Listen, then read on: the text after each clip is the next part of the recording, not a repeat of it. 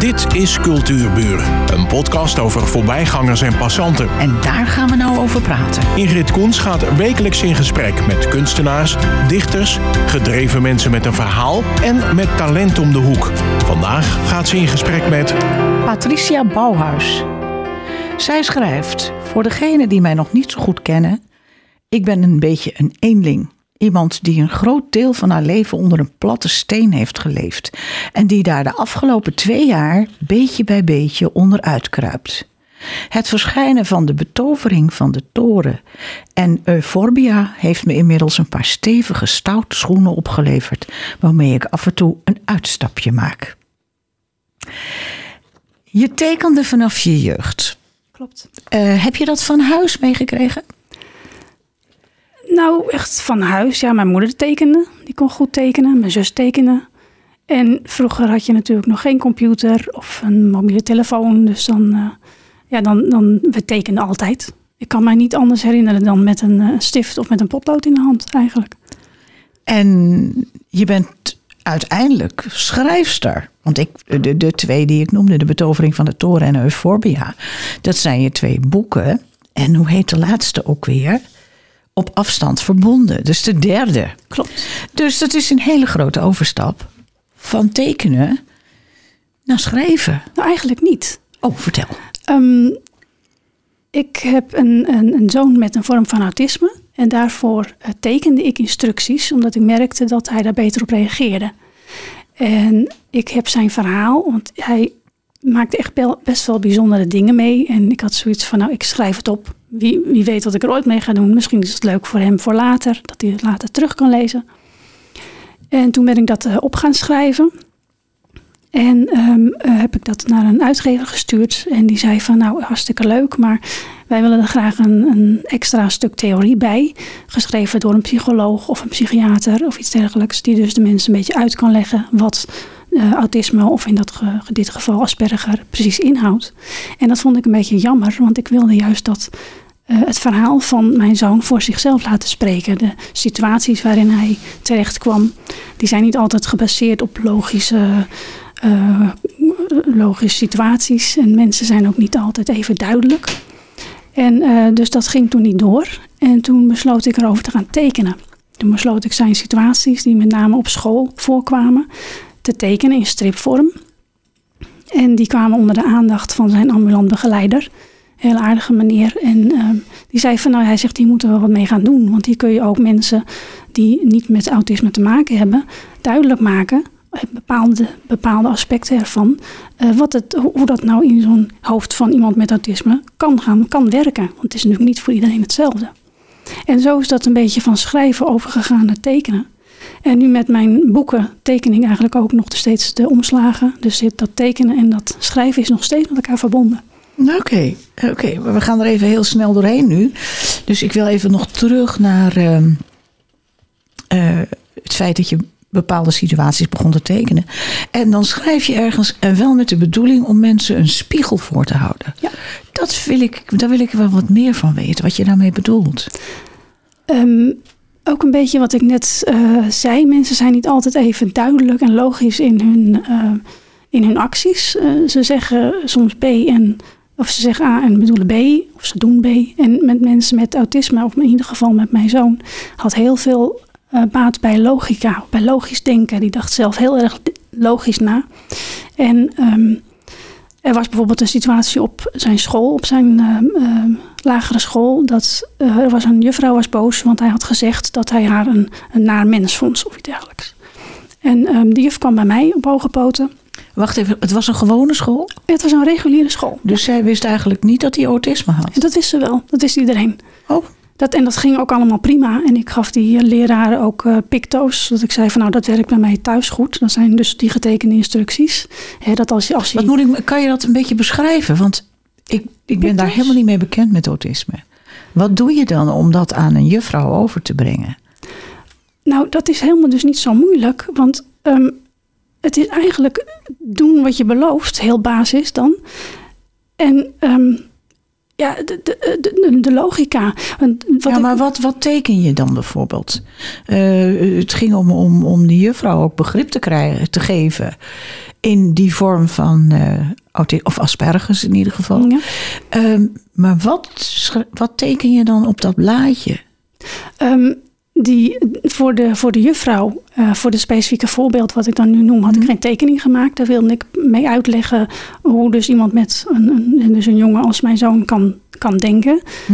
Ehm, dat zal ik nog even afmaken, dat verhaal. Die juffrouw die was dus boos omdat hij zou hebben gezegd dat hij haar een vervelend mens vond. En eh, dus ik ging met mijn zoon naar haar toe en toen vroeg ik daar opheldering over. Van nou, klopt dat wat je, wat je hebt gezegd? Want dat, dat hoort natuurlijk niet zo, klaar. En toen zei hij, dat heb ik niet tegen haar gezegd. En de juffrouw was boos.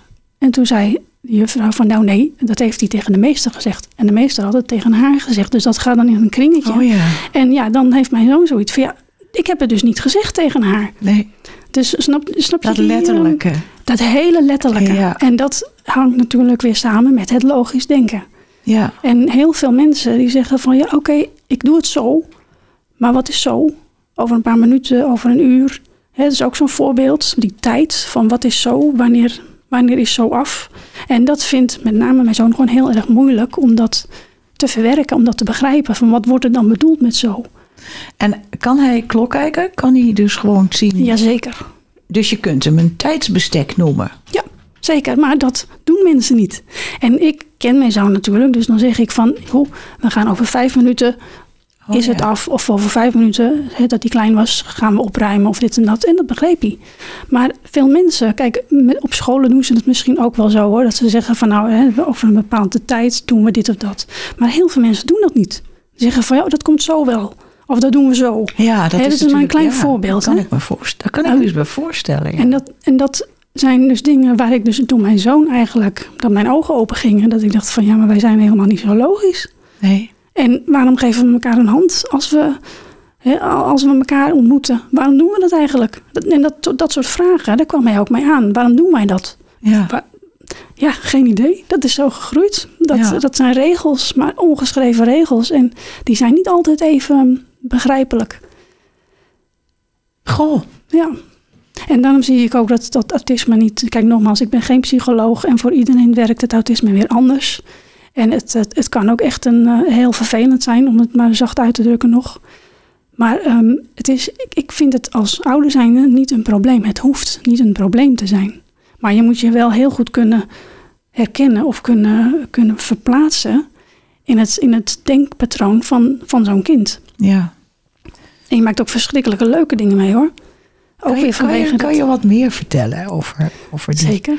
typische vorm? Van, Ehm, mijn zoon die kon met 2,5 kon hij lezen.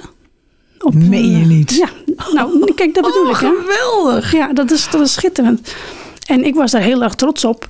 Maar dan kom je bij het consultatiebureau en dan zit er, van die, zit er een, een arts met blokjes voor zich en die stapelt die dan op. En dan is het de bedoeling dat dus jouw kind die toren nabouwt. En Jelle heeft zoiets van, nou, dat ga ik niet doen, want dat heb jij net gedaan, dus waarom zou ik het nog doen? Ik vind het prachtig. Ik begrijp ik het heel goed. Ja, Ja. Maar dan zit je als ouder natuurlijk wel van verdorie, maak nou die, maak nou die toren. Want dan krijg je dat vinkje op je, hè, bij, je, bij je lijstje weer. Maar dat is natuurlijk weer, dat is weer een heel ander eh, verhaal. Maar op een gegeven moment kwamen we hm, terug in de, in, de in de ruimte waar hij moest worden omgekleed. En hij zegt, mam, wat is dat handendesinfectant? Ik zeg, hè, handendesinfectant? Ja, hij zegt, dat stond bij die, bij die wastafel. Dat, nou ja, die kent dat wel bij, bij huisartsen Ja, en dergelijke. ja, ja. En dan, hè, dan heb je zo'n hendel, daar druk je op en dan kunnen ze hun handen ontsmetten. En dan moet hij zo'n zo'n torentje bouwen. En hij, ondertussen ziet hij alles en hij leest alles. En dat is geweldig. Daar ben ik dan alleen maar super trots op. Ja, ja. het is zo'n waarom-kind. En waarom dan? Ja, en, geef, en, ja, en dan, Ja. als je dan een verkeerd antwoord geeft, dan heb je, heb je iets verkeerd gedaan. nou ja, dan... dan Je moet eerlijk zijn en als je het niet weet, moet je dat gewoon zeggen. Juist, juist, Ja, ja. juist. En, En- heel veel mensen die zeggen dan... Ja, nou, dat, dat weet ik niet hoor. Of dat moet je niet vragen aan mij. Of dat, eh, maar hij heeft zoiets van... Ja, maar ik wil dat graag weten. ja. in de tijd van de, eh, die Irak-oorlog, de Golfoorlog, waar, waar toen heel veel mensen ook werden onthoofd. Je, die nare Ja, berichten in de krant. ja. Toen zat ik nog eh, zat ik aan de ontbijttafel en ik had een krant voor me. En eh, mijn zoon zat tegenover mij, dus die las die krant op zijn kop. En toen zal hij ook een jaar of drie geweest zijn dat hij aan mij vraagt van... Mam, wat is dat onthoofding? Oeh. Dat zijn hele nare vragen. Ja, ja. Maar dat moet je wel beantwoorden. Hoe oud is een- hij nu? Hij is nu 25. En hoe gaat het nu met hem? Fantastisch. Het gaat echt heel erg goed met hem. We moeten een hele intelligente jongen zijn is, geworden. ja, hij is verschrikkelijk. En ja, hij spreekt negen talen. Zo. Autodidactisch, hè? Dat heeft hij zichzelf eh, zelf geleerd. leuk. Hoe zit het dan met studeren? Kan hij dat wel? Dat gaat niet. Ja, hij kan verdomd goed leren. Maar eh, zijn, de, de, de, de docenten, er zit, een- er zit een, een mooi, mooi woord, discrepantie tussen zijn denkvermogen en het eh, denkvermogen, om het zo maar te noemen, van de docenten. Als een docent een, een, een vraag of een probleem aanbrengt, dat ze zeggen van nou jongens, de hele klas moet dit oplossen, een computerprobleem, in, om maar even een voorbeeld te noemen, dan gaat de klas in bepaalde stapjes denken. Van oké, Mhm. we beginnen bij het probleem. Wat, hoe moeten we het oplossen? Welke eerste stappen moeten we nemen? En mijn zoon die denkt van A naar Z. Ja. Die, laat, die slaat heel veel van die stappen over. En als hij dan, dan zegt van ja maar jongens, we kunnen gelijk dit of dat en dat doen. Dan zegt de rest van de klas van ja maar ho, ho, ho, wat doe je nu? Die, Ja. die, die en die leraar ook. logisch ook. Van, eh, En die leraar ook. die weet er ook geen raad mee. Die heeft ook zoiets van, ja, maar dat is niet de manier waarop je wordt lesgegeven. Met als gevolg dat mijn zoon zich dan terugtrekt. Die zoiets heeft van, ja, maar hou even. Als jullie dat niet willen leren of jullie weten dat niet, dan Wat doe ik hier dan? wat doe ik hier dan? Ja. Dus dat, Want dat is eigenlijk heel is hij hoogbegaafd, hè?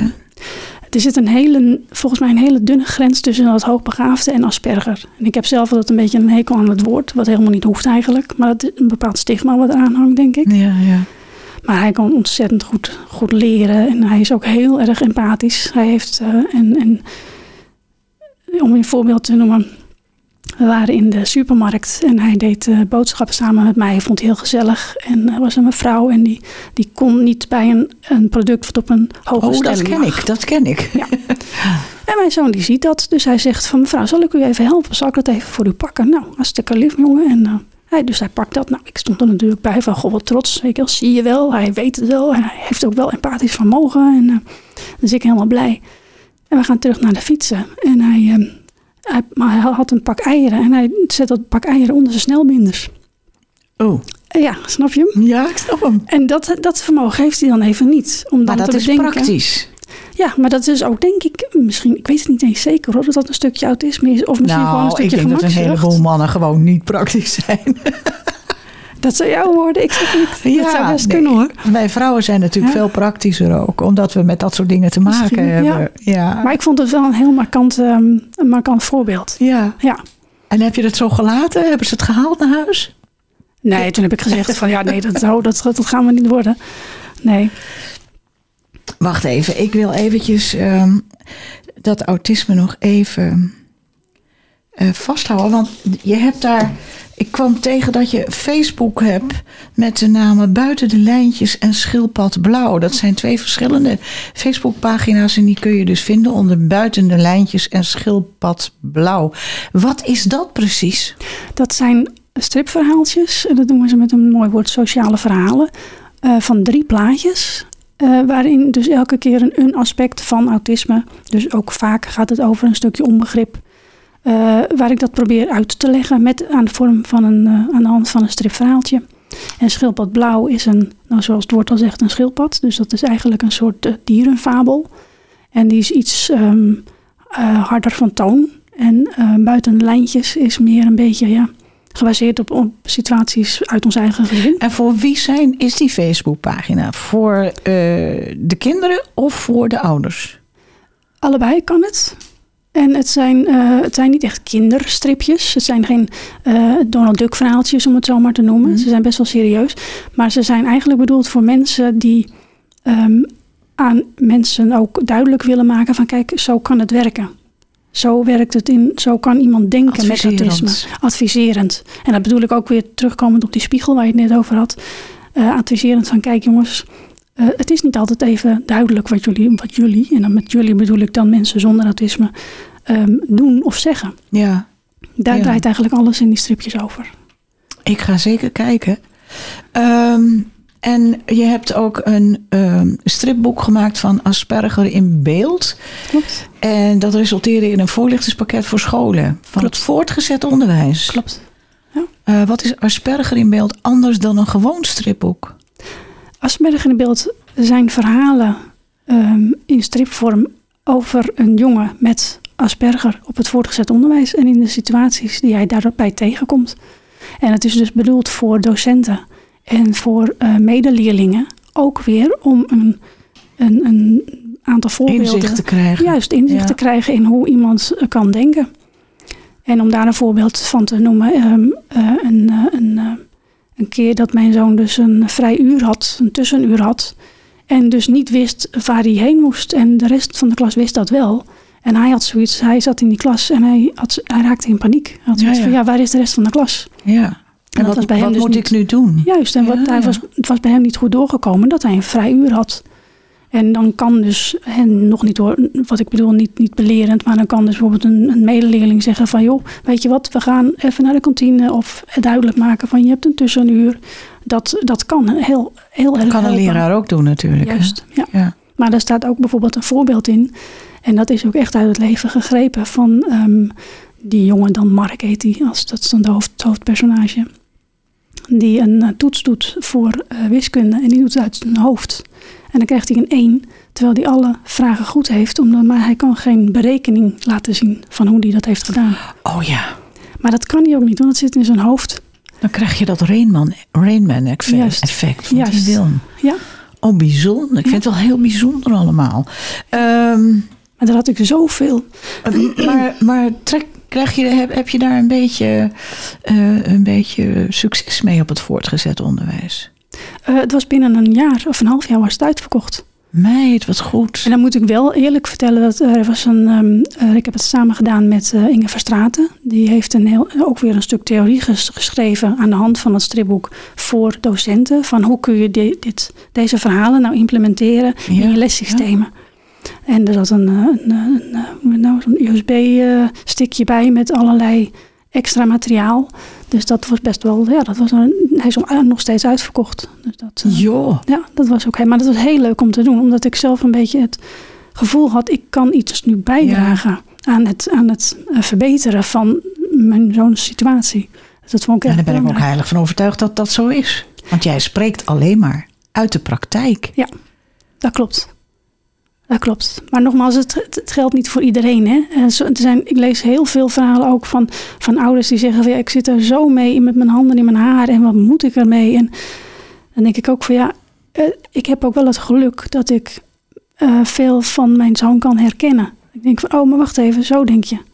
Ja, maar dat zouden die ouders bij hun kind ook kunnen doen, denk ik. Maar dat moet, ja, ik weet, dat is dus net het knelpunt. Dan moet je kunnen of je kunt het niet. Ja. En dat, eh, dat lijkt me heel lastig als je, dat, als je kind dus eigenlijk een soort vreemde dan op die manier voor je is.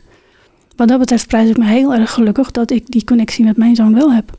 Maar het is natuurlijk ook heel interessant hoe ze denken.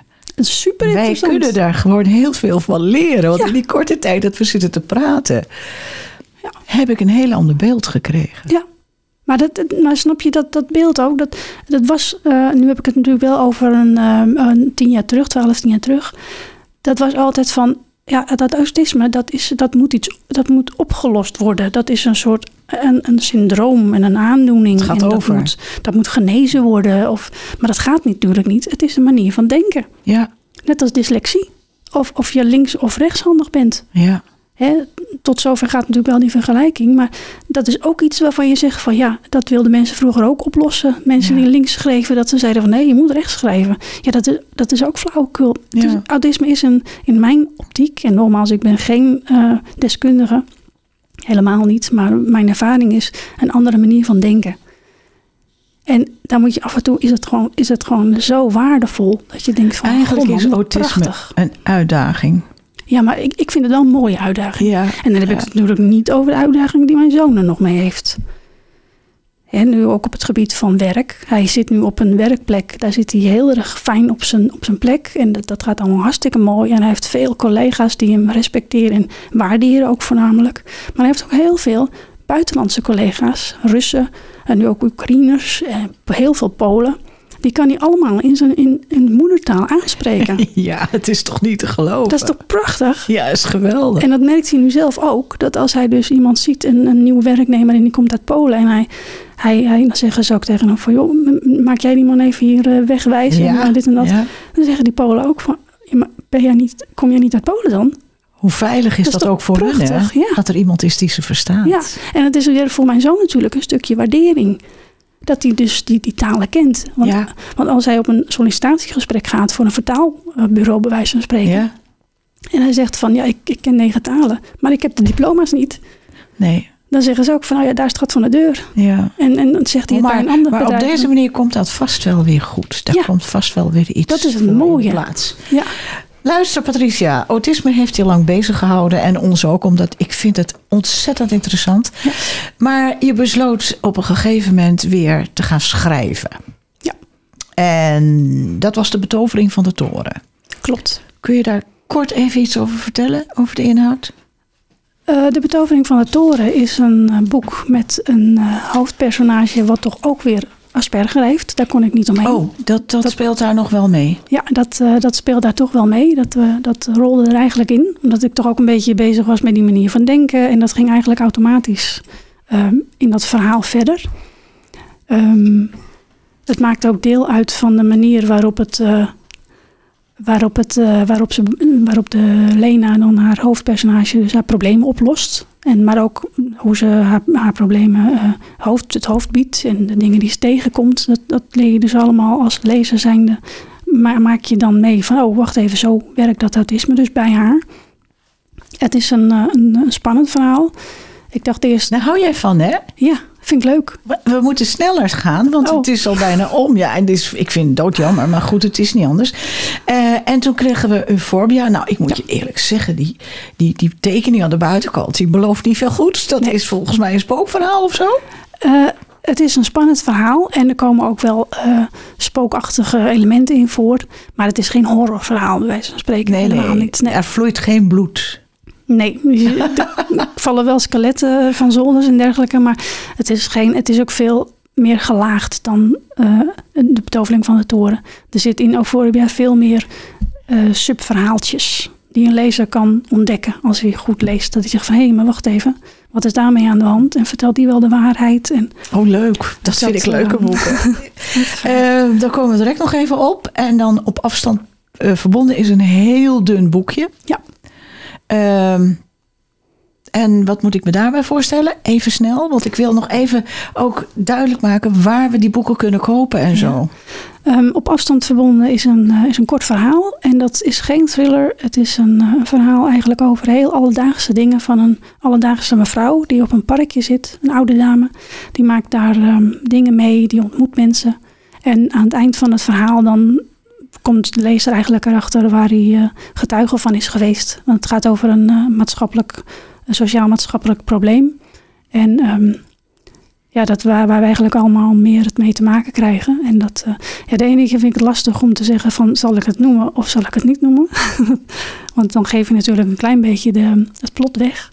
Dus dat, eh, dat, dat, dat doe ik dus niet. Oké, heel goed van jou. Nee, dat vind ik...